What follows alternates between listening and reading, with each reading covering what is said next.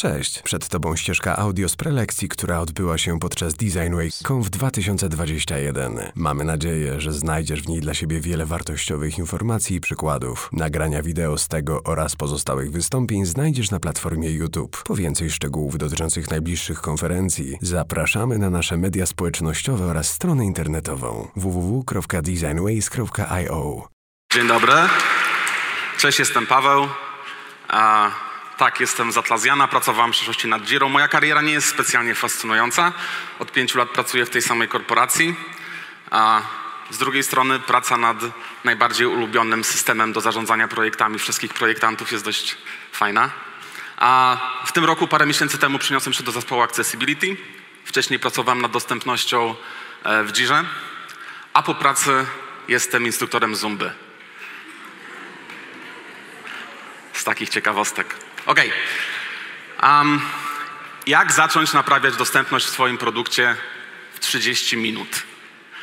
Um, ta prezentacja niestety nie będzie specjalnie wesoła, no bo słuchajcie, jak powiedzieć dowcip o niepełnosprawności? Przychodzi jednoręki bandyta do lekarza, no nie, to w ogóle nie będzie działać, prawda? Więc ona będzie dość a, poważna, ale z dość pozytywnym przesłaniem na końcu. A Mamy 30 minut, 34-30 sekund. Jak e, przedstawić najlepiej tak głęboki temat jak, jak dostępność? Um, jak wzbudzić was, wasz apetyt? I prawdę powiedziawszy, e, tylko, tylko muśniemy tą dostępność, ten temat dostępności w tej prezentacji. Muśniemy na odległość półtora metra w rękawiczkach i w masce, żeby było zgodnie z zasadami. Um, ale mam nadzieję, że pod tej prezentacji przynajmniej będziecie chcieli trochę pogooglować sobie, że to będzie trochę linków, trochę informacji, jak znaleźć informacje o dostępności w internecie. Ok, mamy trzy, trzy części tej prezentacji. Na początku sobie zdefiniujemy dostępność. Ups. Potem porozmawiamy o budowaniu empatii, a na końcu porozmawiamy, jak projektować dostępne produkty. Dostępność. Traktowanie wszystkich tak samo. Taki sam dostęp dla wszystkich. Do informacji, do aplikacji, do funkcjonalności, do wykonywania zadań. A po angielsku dostępność to accessibility, dość skomplikowane słowo, zarówno żeby wymawiać, jak i pisać, dlatego wymyślono skrótowiec. A między literami A i Y w accessibility jest 11 liter. Jeżeli zamienimy te litery z 11, powstaje nam A11Y albo ALI w skrócie. A więc jeżeli będziecie googlować accessibility, to bardzo często albo w nazwach stron, albo też w adresach stron internetowych spotkacie e, to słowo Ali. Tak na marginesie e, to słowo nazywa się, to jest numeronim i, jest, i to, nie jest, to nie jest jedyny numeronim na świecie, więc też polecam, polecam taką ciekawostkę, pogooglowanie sobie. Ok, trochę semantyki. Dostępność. Dostępność to cel. E, to nasza gwiazda północna naszego statku produktowego, do którego mamy dążyć. E, dostępność oznacza, że produkt wspiera potrzeby i preferencje każdego indywidualnego użytkownika, nie patrząc na jego możliwości.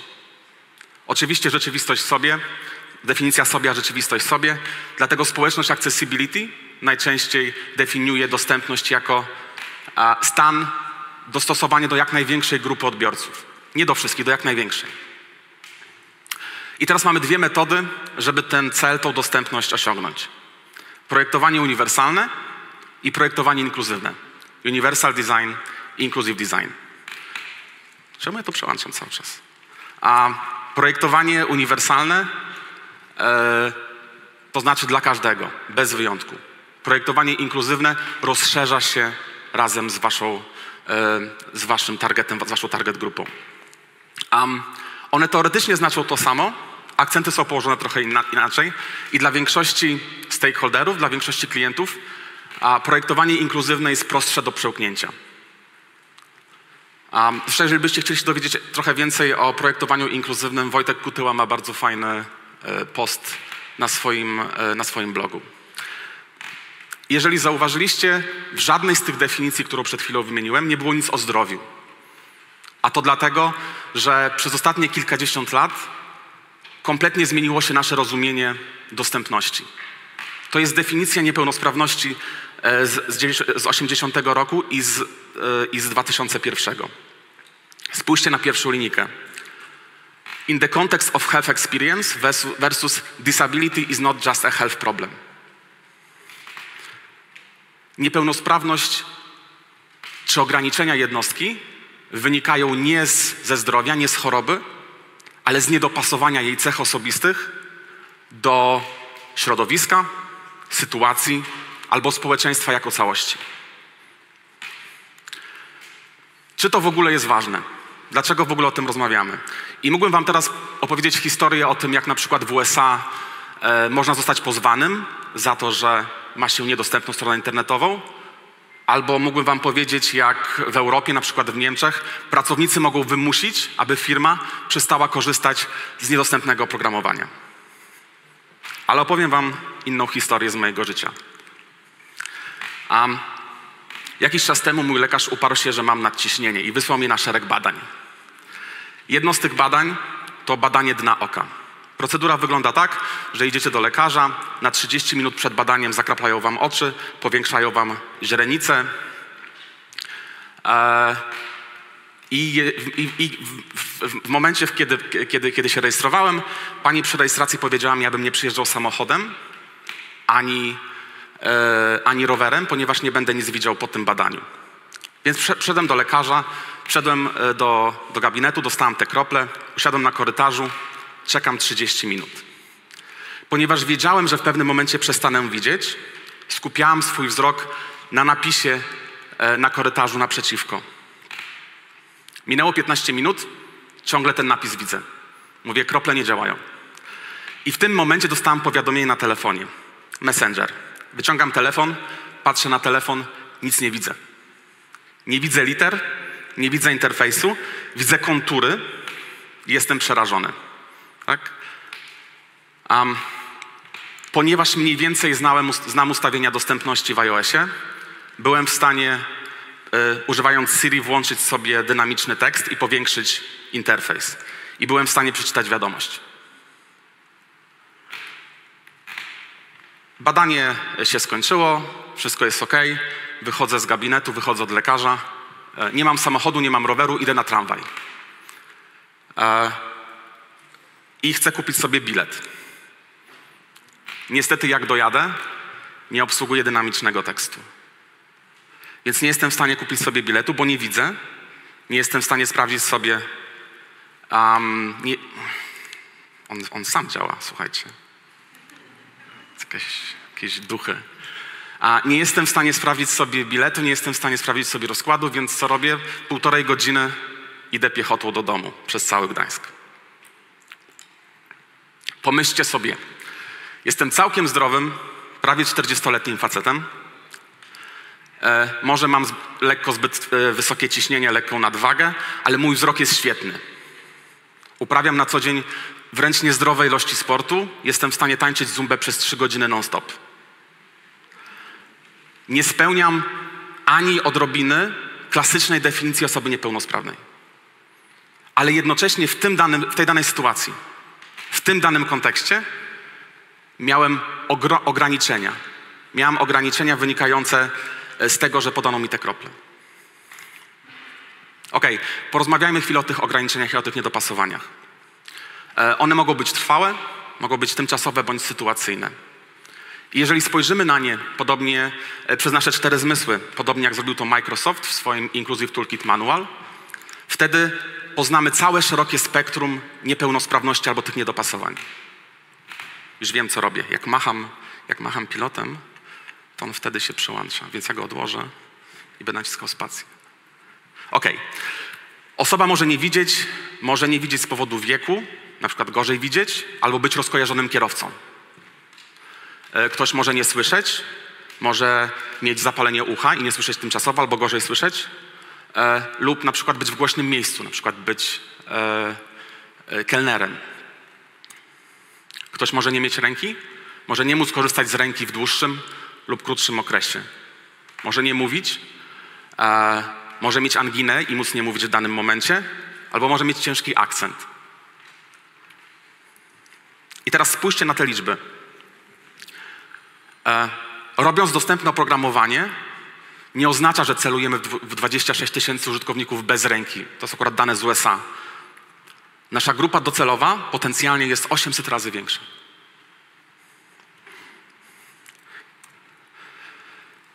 W dostępności istotą nie jest ta tradycyjnie rozumiana niepełnosprawność.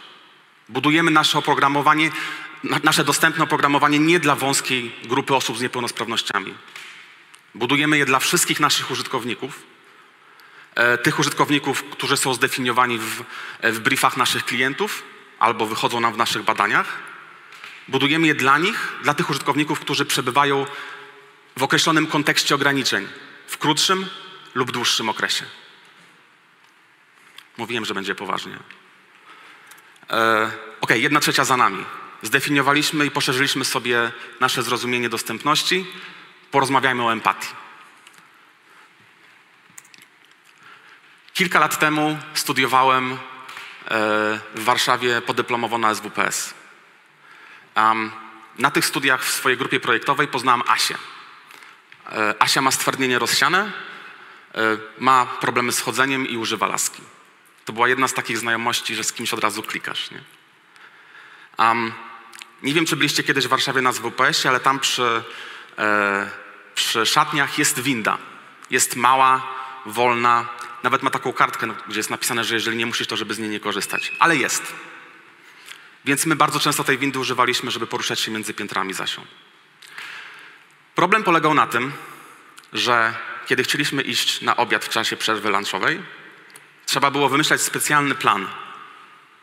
Trzeba było wysłać dwie osoby wcześniej, żeby zajęły nam miejsce przy stole i miejsce w kolejce. I wtedy my z Asią spokojnie, powoli szliśmy sobie do tego, do tego bufetu. Więc czasami w ogóle e, z wygody albo z braku czasu zostawaliśmy w klasie jedliśmy kanapki. Więc ten budynek był zgodny z przepisami. Miał tą jedną windę. Tak? Ale czy był użyteczny? Bardzo, częst, bardzo często w kontekście um, dostępności ro, rozmawiamy o standardach, spełnianiu pewnych standardów dostępności. Ale czy dostarczamy wartość tym użytkownikom?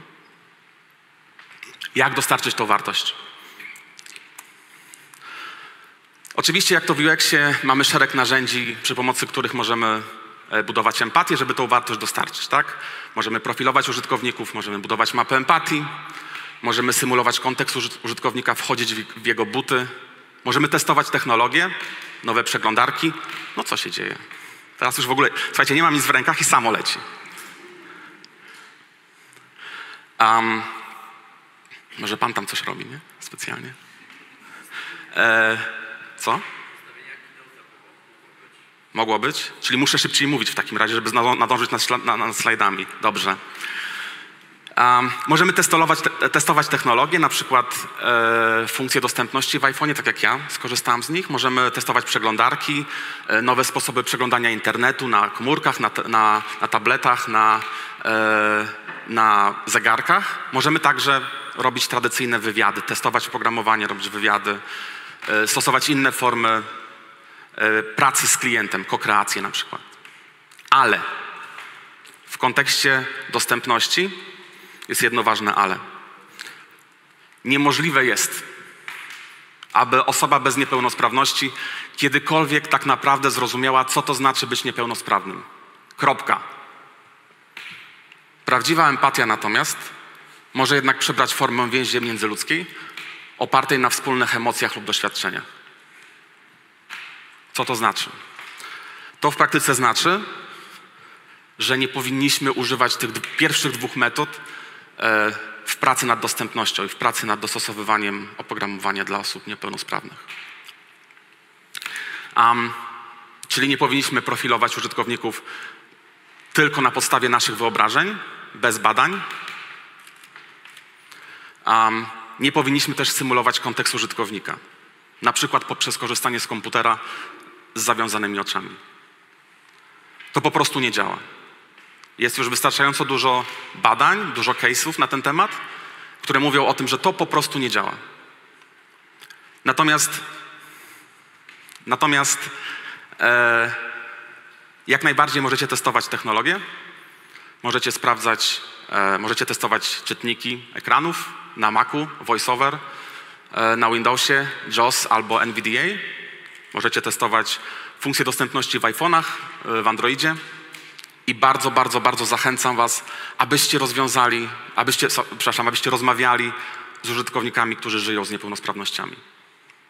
Powiem Wam dlaczego.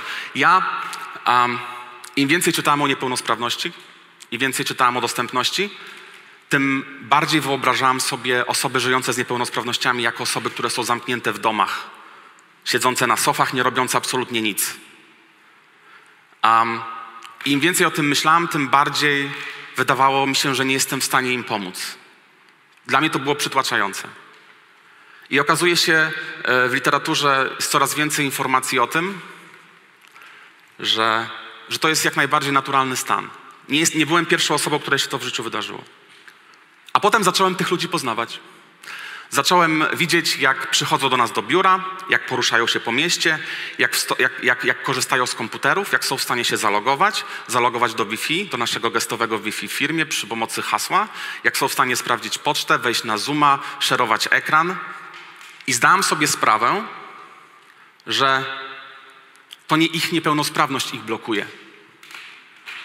Że to moje oprogramowanie, które jest niedostępne, jest blokadą, a nie ta niepełnosprawność. Dlatego bardzo ważne jest, abyście rozmawiali z tymi użytkownikami. Szukajcie sposobów dotarcia do użytkowników żyjących z niepełnosprawnością. Rozmawiajcie z ludźmi wokół Was, z Waszymi e, przyjaciółmi, z rodzinami, z klientami Waszych klientów. Um, gdy przedstawiam się komuś i mówię, że pracuję nad dostępnością, nagle się okazuje, że ktoś zna kogoś z niepełnosprawnością, ktoś zna kogoś niewidzącego, ktoś zna kogoś na wózku. I tak też rozszerzam swoje kontakty. Um, szukajcie osób, które mają niepełnosprawność wewnątrz waszych organizacji. Jeden na ośmiu facetów nie widzi kolorów. Trochę nas tu jest dzisiaj. Um, jest duża szansa, że ktoś z nas tutaj ma na przykład. Nie, ja nie mówię o, o takim bardzo czarno-białym, o, o takim czarno-białym niewidzeniu kolorów, ale na przykład ktoś może mieć lekki problem z nierozróżnianiem żółtego i niebieskiego. PM, z którym pracowałem przez rok w Dzirze, e, nie widział kolorów. Ja o tym nie wiedziałem. E, sparowałem z nim projekty, nie wiedziałem, że, że nie widzi kolorów. Dowiedziałem się przy okazji zupełnie przy jakiejś sytuacji. Rozmawiajcie z użytkownikami, rozmawiajcie z ludźmi na temat niepełnosprawności. Uwierzcie mi, ludzie są zainteresowani tym tematem i chcą pomagać. Tylko ten temat jest nieobecny, bo do tej pory nie był ważny. Pokażcie to jako przykład swoim stakeholderom i klientom. Ok. Część numer trzy. Jak projektować dostępne produkty? Yy... W 2017 roku dołączyłem do zespołu Jiry e, i jednym z moich pierwszych projektów, które, które dostałem, była, była zmiana, była modernizacja UI-a e, Jiry DC na podstawie nowych, nowego design systemu Atlassiana. I mniej więcej wtedy zacząłem głębiej wchodzić w UI, głębiej wchodzić w design system i też pierwszy raz, e, chyba wtedy byłem na kolu z klientem, który zwrócił nam uwagę, że nasze oprogramowanie nie do końca jest dostępne. Um, w 2020 roku, rok temu, w wakacje, pierwszy raz, pierwszy projekt, e, na roadmapie znalazł się pierwszy projekt dostępności w Dzirze. To były trzy długie lata. To były trzy długie lata chodzenia na spotkania, ewangelizowania, kłócenia się ze stakeholderami. Wreszcie gdzieś tam się poddałem gdzieś po drodze. A, aż wreszcie zacząłem wrzucać poprawki dostępności w każdy możliwy projekt, który znalazłem. Ktoś nad czymś pracował, zanosiłem jakieś tam małe rzeczy do poprawki. Zaczęliśmy to powoli poprawiać.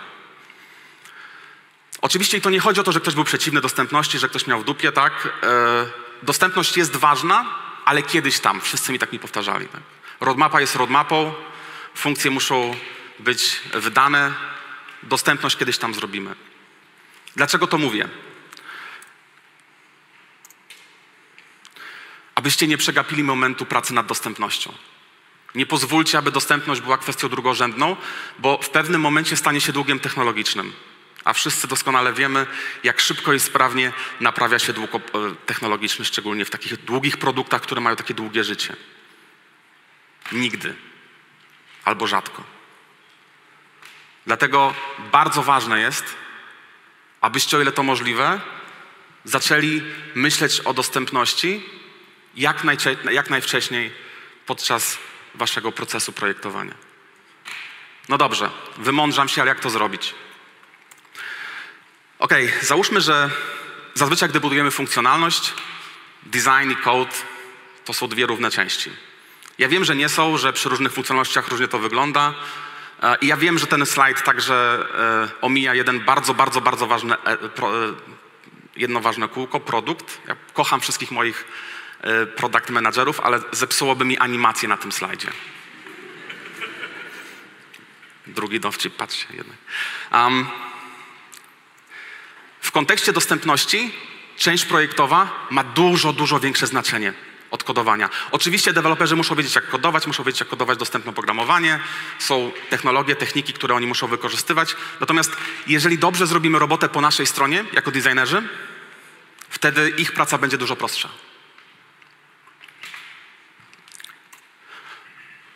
Kolejny ważny wniosek. To naszym zadaniem jako projektantów jest dostarczanie dostępnych projektów, szczegółowych specyfikacji z myślą o personach. Ja wiem, prościej, prościej powiedzieć niż zrobić i ma to swoje plusy i minusy. Plusy takie, że w sumie e, to, to zależy tylko i wyłącznie od nas, tak? Tylko, tylko, tylko od nas wyłącznie zależy, od, od projektantów, zależy, czy to oprogramowanie będzie dostępne, czy nie, w bardzo dużej części. Minus jest taki, że to my musimy zrobić tę robotę. Ok, jak ją zrobić? Zacznijmy od końca. Persony.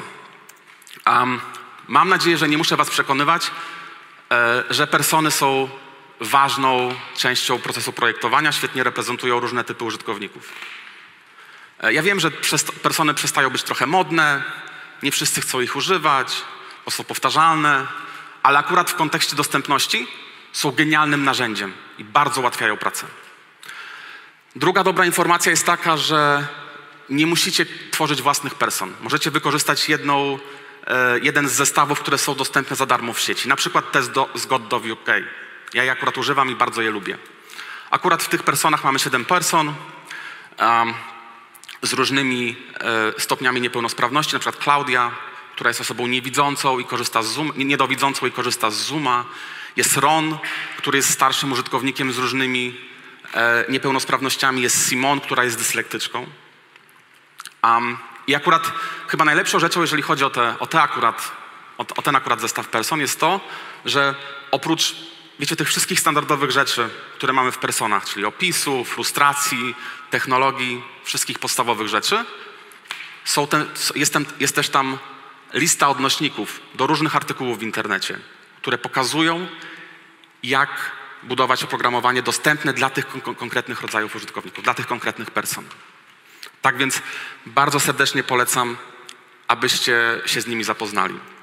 My w Atlazianie, przynajmniej w mojej części e, DC, w której pracowałam, trochę uprościliśmy te persony. E, zbudowaliśmy je w oparciu o test gov.uk, ale skupiliśmy się e, na metodach wejścia i wyjścia. I mamy ich pięć. Czyli mamy użytkownika bez niepełnosprawności, który widzi i używa myszy klawiatury. Mamy low vision user, który, który widzi, ale używa Zooma i też korzysta z myszy klawiatury. Mamy switch control user, czyli osobę, która widzi, ale nie korzysta z myszki, tylko korzysta albo z klawiatury, albo specjalnego mechanizmu do poruszania się w przód i w tył na ekranie. E, mamy użytkownika czytników, screen reader user, który nie widzi, natomiast słyszy i używa głównie klawiatury. I mamy użytkownika voice, e, głosowego, tak? czyli użytkownika, który widzi, ale używa głosu zamiast myszy i klawiatury. I z reguły korzystamy z tych pięciu e, person, jeżeli rozmawiamy o, o projektowaniu dostępnym. Ok, drugi składnik dostępne projektowanie. Te trzy rzeczy odpowiadają za bardzo dużą część problemów e, we wszelkich audytach dostępności. Kontrast, reflow i formularze. Um, zacznijmy od kontrastu. E, Im mniejszy kontrast, tym trudniej przeczytać tekst. Nie wiem, czy pamiętacie, e, jakiś czas temu była taka okropna moda, okropny trend bardzo lekkich fontów. Tak 100, 200. I nie dość, że ludzie używali ich do nagłówków, co jeszcze można by przeżyć, tak? Ludzie ich używali do body tekstu. Co gorsza, nie używali czarnych fontów, używali na przykład ciemnoszarych. No i oczywiście w Figmie na naszych pięknych super hiper retina 4K displayach e, te projekty wyglądają pięknie i na driblu też, tak? Ale w rzeczywistości, jeżeli ktoś ma monitor 200 nitów o jasności 200 nitów albo gorszy monitor w jakiejś korporacji albo w banku, jak on to ma zobaczyć? Nawet pełnosprawna osoba bez problemów z wzrokiem nie jest w stanie takiego tekstu przeczytać. E, dlatego upewnijcie się, że w waszych projektach tekst ma kontrast co najmniej 4,5 do 1, a wszystkie elementy graficzne, które, które się używa do interakcji, czyli na przykład przyciski, mają, kontra, mają kontrast 3 do 1. I nie polegajcie wyłącznie na kolorze, dlatego że niektórzy tych kolorów po prostu nie widzą. E, nie wiem, czy zauważyliście, ale ja w prezentacji też zastosowałem tę zasadę, tak? Nie używam tylko zielonego, żeby oznaczyć części, które już się odbyły, ale dodałem także ikonę. Ok, reflow, czyli jak układać e, elementy na stronie w momentu powiększenia. E, powiększenie jest bardzo często używane przez wszystkie osoby z różnymi problemami e, wzroku. Niektórzy powiększają 150% w przeglądarce albo, albo w aplikacji, albo tak jak ja w telefonie. Niektórzy 200%, a niektórzy 400% i do tego wyświetlają y, stronę na przykład albo, albo aplikację na 50-calowym monitorze. I dopiero wtedy widzą, dopiero wtedy widzą, y, co tam jest napisane. Y, to jest dość podobne do responsywności. To nie jest to samo, ale bardzo często w kontekście reflow rozmawia się tak samo jak o responsywności, bo to są te same mechanizmy, tak? W momencie, kiedy zwężamy sobie zwężamy sobie stronę e, w przeglądarce, w oknie, elementy się przekładają. I trzecia sprawa, formularze. E, dla użytkowników czytników bardzo proste jest przeglądanie wszelkich stron tekstowych. Tak? Mamy bloga, mamy strony z newsami, mamy artykuły, mamy teksty jeden po drugim, linijki. Czyta się to dość sprawnie. Natomiast wszystkie skomplikowane formularze które teoretycznie powinny ułatwiać nam do, do, dodawanie informacji albo, albo manipulowanie danymi. Tak? Dla czytników, dla osób, które używają Zooma, dla osób, które korzystają tylko z klawiatury, a nie z myszki, są bardzo uciążliwe. I bardzo często po prostu nie działają, bo są za skomplikowane. Dlatego starajcie się nie kombinować z formularzami. Im prościej, tym lepiej. Um, I druga sprawa, jest bardzo modne, modne używanie placeholderów zamiast labelek i zamiast opisów pod, yy, pod polami formularzy. Nie róbcie tego. Placeholdery powinny być zabronione. Um, najlepiej umieścić labelkę nad polem albo obok pola i opis pod spodem. I będzie to dostępne dla każdego użytkownika. E, tak jak powiedziałem, tylko muskamy accessibility. E, więc jest wiele artykułów w internecie, które warto, z którymi warto się zapoznać. To jest jeden z moich ulubionych, e, który przeczytałem bardzo, bardzo dawno temu. Seven Things Every Designer Needs to Know About Accessibility. Jedna uwaga. Jak będziecie czytać o czymkolwiek, e, jak, jak będziecie czytać o, e, o dostępności gdziekolwiek w internecie, nie wiem, czy to widać wystarczająco, ale spójrzcie na datę. Tam jest napisane 2015 rok. Um, Oczywiście artykuły o dostępności powstają od co najmniej dwóch dekad, więc warto się z nimi zapoznawać. Natomiast trzeba patrzeć na daty, ponieważ standardy accessibility się zmieniają. E, teraz WCAG to są takie standardy dotyczące accessibility, korzystają z nich wszyscy na świecie. Obecnie jesteśmy na wersji 2.1 z 2018 roku. Tamten artykuł powstał w 2015, więc nie ma szans, aby obejmował te, tamte standardy. Jeden przykład. WCAG 2.0 e, miał, miał, standardy kontrastu dla, dla, tekstu, czyli te 4,5 do 1, o którym wam już mówiłem. Natomiast WCAG 2.1 dodał kontrast e, dla elementów kontrolnych, czyli to 3 do 1. Tego wcześniej nie było. WCAG 2.2, który teraz jest e, w drafcie i będzie opublikowany pewnie za parę miesięcy, E, dokłada jeszcze kolejną zasadę, czyli kontrast e, dla focus ringu, czyli tego elementu, tej ramki, która jest naokoło, naokoło e, elementów, kiedy tabujemy klawiaturą. Czyli te standardy, one się nie tyle nawet zmieniają, tylko dokładają się kolejne, kolejne nowe. Ok, i ostatnia część, e, szczegółowa specyfikacja. Czyli jak to wszystko przekazać naszym deweloperom. Podobnie jak przy dostępnym projektowaniu, e, warto zwrócić uwagę na trzy pierwsze rzeczy i one nam też dadzą jak najwięcej, dadzą nam najwięcej e, rezultatów. Plus czwarta rzecz, jeżeli pracujecie nad swoim design systemem na przykład. Przejdźmy teraz przez nie po kolei szybko.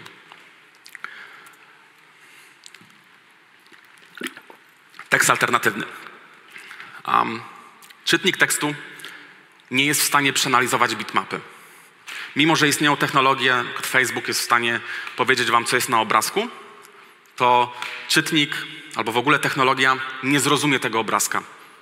Nie zrozumie, nie wychwyci intencji autora, który go tam umieścił. Tak? Czyli, e, czyli czytnik nie zrozumie, czy, czy, tam na środku jest spinacz, czy to chodzi o spinacz, czy to chodzi o, o załącznik.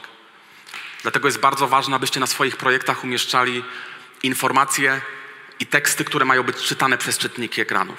Na przykład w obrazkach, które mają funkcje, w przyciskach, które nie mają tekstów, właśnie w przyciskach z ikonami, albo w polach formularzy, które nie mają labelek. Ja wiem, że przed chwilą powiedziałam, żebyście e, zawsze dodawali labelki, ale oczywiście są takie sytuacje jak na przykład search, który wystarczy, żeby miał ikonę. Um, przykład na dole. Przykład z Jiry. Yy, karta e, na bordzie. Od prawej strony mamy assignee friendly koala, a na dole mamy ikonę priority low. Oczywiście nie wszystkie obrazki muszą e, być czytane przez czytniki tekstu. Tak zwane obrazki dekoracyjne, które nic nie wnoszą do funkcji. A teraz patrząc jeszcze raz na ten przykład na dole. Po, po lewej stronie mamy ikonę issue type'u task i mamy tekst, te, tekst task dotyczący tej ikony. Nie musimy tego powtarzać. Więc to jest obrazek dekoracyjny, bo jeżeli byśmy dodali tekst alternatywny do tej ikony, to czytnik by to przeczytał issue type task, task. Nie ma tego sensu. A na górze przykład z nawigacji z Jiry, e, ponieważ jest to odnośnik z obrazkiem, więc ten odnośnik powinien mieć nazwę, na przykład go to home, iść do strony głównej. Um, natomiast sam obrazek można teoretycznie pominąć, można go uznać za dekoracyjny. Jest oczywiście też opcja, żeby w zależności od, e, od kontekstu yy, albo od funkcji danego odnośnika, albo waszej strony, ten odnośnik może mieć na przykład jakiś tekst, może mieć teoretycznie tam yy, logo Jira i nic się nie stanie, ale ta, inform ta informacja jest zbędna. I trzecia, trzecia część. Yy, musimy odejść w naszych spekach od projektowania dla myszy. Tak? Piszecie na przykład scenariusz E, używania jakiejś funkcjonalności, nie piszcie użytkownik kliknął w przycisk. Starajcie się być bardziej agnostyczni, jeżeli chodzi o metody, metody wejścia. Um, I bardzo ważne jest, aby w naszych, e, aby, aby w naszych spekach te informacje o poruszaniu się przy pomocy innych sposobów niż myszy były zawarte. Tak? Tutaj akurat jest przykład, jak przejść tabem przez nawigację w dzirze. I dość istotne też jest, aby w projektach i, i w spekach umieszczać informacje o layoutie, o architekturze informacji z punktu widzenia dostępności. E, landmarki, regiony i, i role. Rola nawigacji, searchu i, i szukania jest szczególnie ważna, ponieważ e, to bardzo pomaga użytkownikom, którzy nie widzą, którzy używają czytników, poruszanie się po stronie. Łatwo trafią do nawigacji, łatwo trafią do, wyszuki do wyszukiwarki. I ich brak bardzo często wychodzi w audytach. Bardzo często audytorzy zwracają na to uwagę, kiedy sprawdzają dostępność oprogramowania. Dobra wiadomość jest taka, że nie musicie tych adnotacji tworzyć samemu. Jest bardzo fajny plugin Accessibility Blue Lines e, Jeremiego Eldera. Jest dostępny dla Sketcha, dla Figmy, Adobe XD, InVision Studio, czegokolwiek nie korzystacie. E, gorąco polecam sprawdzenie i, i używanie. I ma także bardzo, fajne, bardzo fajną instrukcję wykorzystywania. A na koniec bardzo szybko specyfikacja interakcji komponentu. Jeżeli pracujecie nad własnym de- design systemem, warto e, napisać trochę bardziej szczegółową e, specyfikację, jak ten komponent ma działać, aby osoby, które go wykorzystują, zarówno projektanci, jak i deweloperzy, mogli e, bez problemu, bez żadnych dodatkowych pytań go zaimplementować w ich e, funkcjonalności. To jest akurat specyfikacja e, z jednego, z jednego z naszych e, z naszej bibliotek implementacyjnych e, dotyczące modalu, dia, dialogu. Na samej górze mamy e, reguły behawioralne, rzeczy wysokiego poziomu, na przykład trigger powinien być przyciskiem takiej oczywistości. Niektórzy ludzie o tym zapominają i próbują podłączać modale pod linki. E, Modal pojawia się lub znika w odpowiedzi na wyraźne działanie użytkownika. Bardzo podstawowe rzeczy, ale niestety trzeba to napisać e, na stronie, żeby ludzie o tym pamiętali. Potem mamy taką dość dużą tabelkę e, podzieloną na te pięć person, o których już Wam mówiłem, z, z różnymi use case'ami. Na przykład, kiedy otwiera się dialog, pojawia się blanket z tyłu i użytkownik nie jest w stanie wchodzić w interakcję ze stroną pod spodem. A na końcu zwizualizowaliśmy te wszystkie interakcje przy pomocy tych adnotacji, o których rozmawialiśmy. Ok, podsumowanko. E, Podsumowanko w formie kilku próśb do Was. Jak już wrócicie z, z Design Ways do siebie do domów, e, to spróbujcie zacząć patrzeć na dostępność trochę szerzej niż tylko przez pryzmat zdrowia. Zacznijcie zwracać uwagę na konteksty, które powodują ograniczenia u Was, u Waszych rodziców, u Waszych znajomych. Obserwujcie świat naokoło, jak ludzie korzystają e, z różnych technologii w momencie, kiedy nie są, kiedy nie mają do dyspozycji wszystkich swoich cech osobowościowych, które mają na co dzień. Rozmawiajcie wewnątrz i na zewnątrz swoich firm, poszukajcie swoich, e, jak to powiedział Henryk na początku, agentów zmiany w waszych organizacjach. Oni są, oni czekają na kontakt od was. Jest bardzo dużo osób, które jest zainteresowanych tym, tym, tym, tym tematem. Um, I wreszcie nie pozwólcie, aby dostępność była sprawą drugorzędną, bo potem będzie bardzo ciężko do niej wrócić i ją naprawić. I projektujcie dostępne oprogramowanie, bo e, trochę mówiąc o tym, co, co wczoraj mówił na samym po- początku Michał, tak? O jaki, co jest naszym sukcesem, tak? Dostępność, dostępne oprogramowanie może być takim fajnym elementem w tej waszej korporacyjnej pracy, która na co dzień nie jest specjalnie ciekawa. Ale gwarantuję wam, że ta dostępność, praca nad dostępnością w waszych produktach sprawi wam cholernie dużo radości i cholernie dużo pozytywnych energii. Dziękuję bardzo.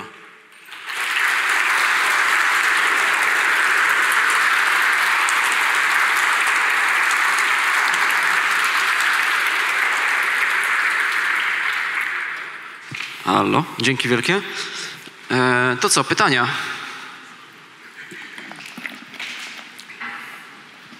E, Cześć.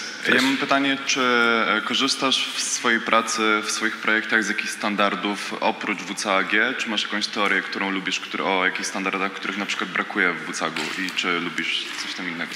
Um,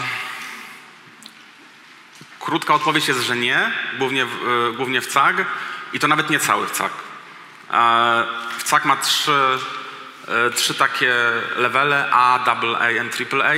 Na przykład AAA w ogóle nie robimy. AA też nie zawsze. Um, a przynajmniej nie wszystko. E, więc, więc raczej nie, więc raczej skupiamy się na WCG, tak. Okej, dzięki. Kolejne pytanie. E, Zakładam, że nie zawsze e, pracowałeś w firmie, która przykładała dużą wagę do dostępności i twierdziła, że to jest faktycznie potrzebne.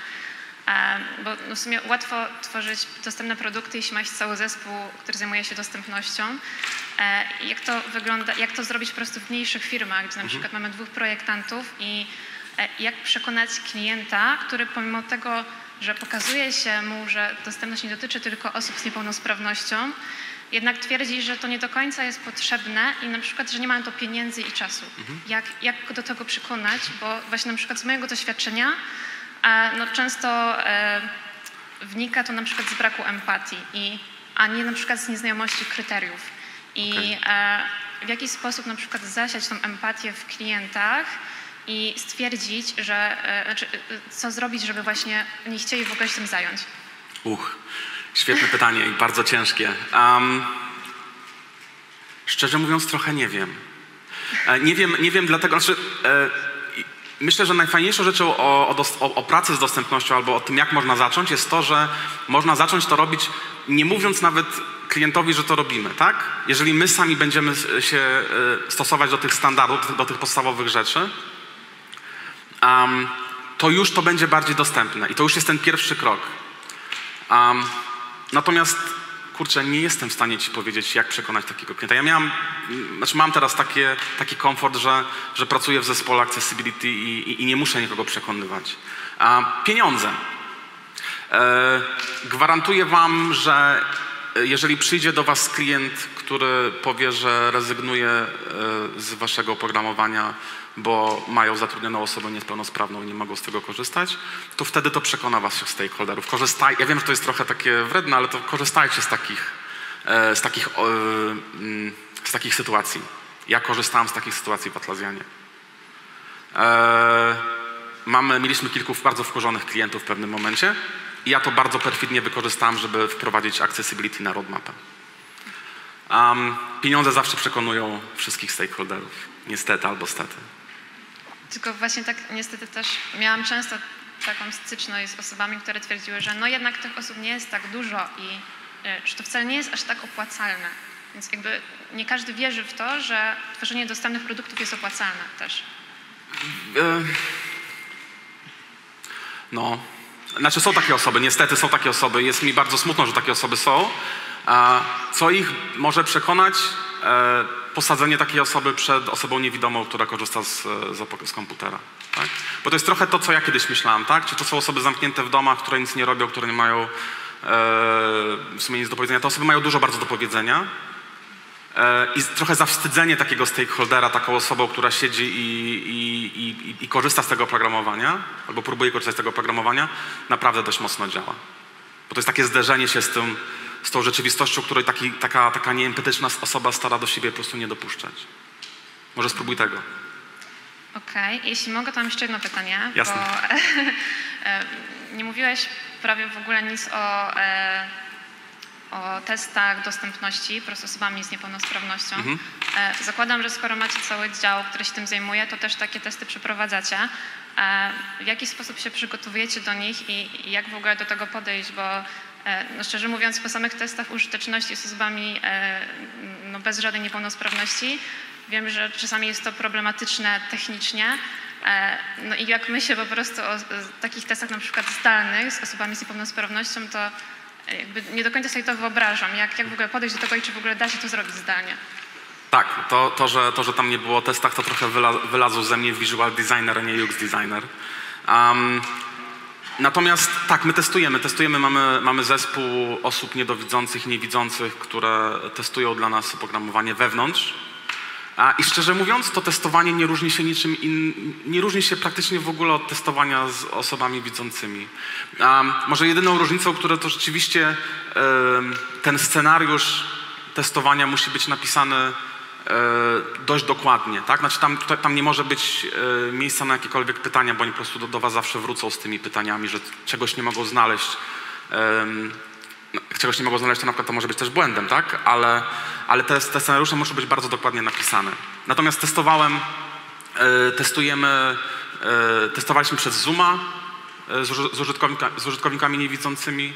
E, Testowaliśmy, e, tak normalnie nagrywali dla nas wideo po prostu z, z tym, jak, jak działają screenreadery i z reguły nie ma z tym e, żadnego problemu. Jest to dokładnie tak samo jak, jak z osobami na przykład widzącymi.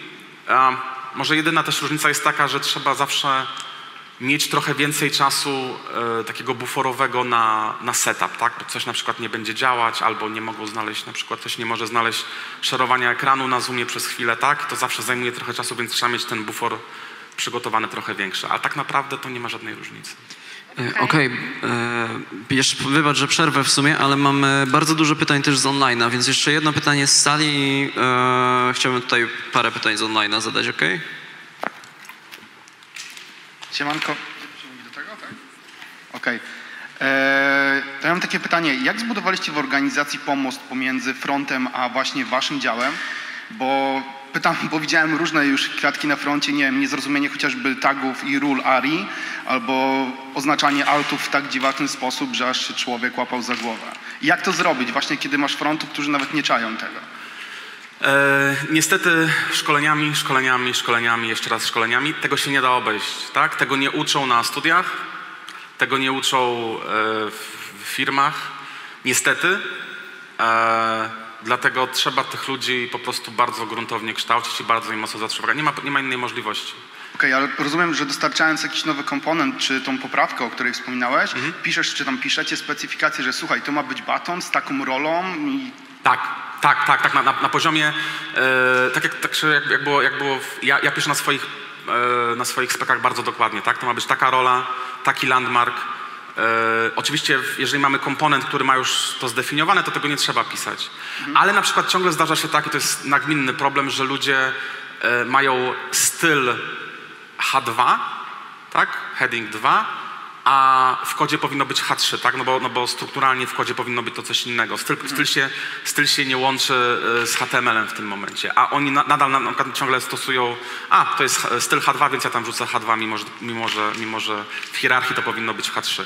To się nagminnie zdarza, tak? Albo, e, że ludzie używają, e, nie wiem czego, e, zapomniają właśnie napisać labelki gdzieś tam umieścić. I nie ma innego wyjścia, jak po prostu tłuc im to do głowy cały czas w szkoleniach. Nie? super, dzięki wielkie. Dzięki wielkie. I w tym samym pytaniu w sumie Michał z online'a pyta, czy my jako projektanci powinniśmy mieć wiedzę techniczną dotyczącą między innymi programowania e, do accessibility? U. E, tak, znaczy nie, znaczy tak.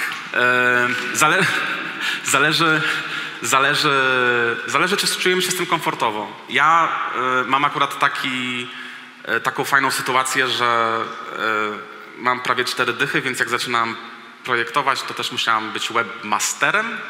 Czyli musiałam znać HTML i, pro, i programować swoje strony. Na tym zarabiałam tak przez bardzo długi czas, więc ja dość dobrze znam HTML. Więc dla mnie nie jest problem, dla, dla mnie to jest dużo łatwiejsze, żeby, żeby, żeby pracować nad accessibility, bo bardzo dużo łatwiej mi jest zrozumieć rzeczy. Zachęcam każdego, kto chce się zajmować accessibility, żeby poznał HTML, bo wtedy jest dużo, dużo, dużo łatwiej. Okej, Magda pyta, hej, jakie jest uzasadnienie do tipa o unikaniu placeholderów? U, mamy 37 sekund. Um, um, em, po pierwsze, nie ma, nigdy nie ma szans, żeby placeholder miał wystarczającą e, kontrast tekstu, bo on jest zawsze jasnym kolorem napisany, więc go nie widać. To jest pierwsze. E, drugie jest to, że on znika. W momencie, kiedy, kiedy fokusujecie się na tym elemencie, on po prostu znika. I mi się zdarza nieraz, okej, pracujemy na swoich produktach, ja nad Giro pracowałem 4 lata, znam, znam każdy przycisk, każdy, każde pole doskonale. Więc wiem, co to pole oznacza, ale jak ktoś wypełnia po raz pierwszy formularz, zestresowany przez telefon gdzieś yy, i ma tylko pole, ja po pięciu sekundach już nie pamiętam, co tam trzeba było wpisać, albo jak się na przykład zastanawiam, co miałem wpisać, tak? E, To są takie dwie najbardziej podstawowe, podstawowe rzeczy. A po trzecie jest takie, że to nie jest tekst, tak? To nie jest ten tekst, który, który czytnik tekstu może w prosty sposób przeczytać. Dobra, jesteśmy troszeczkę po czasie. E, brawo raz jeszcze.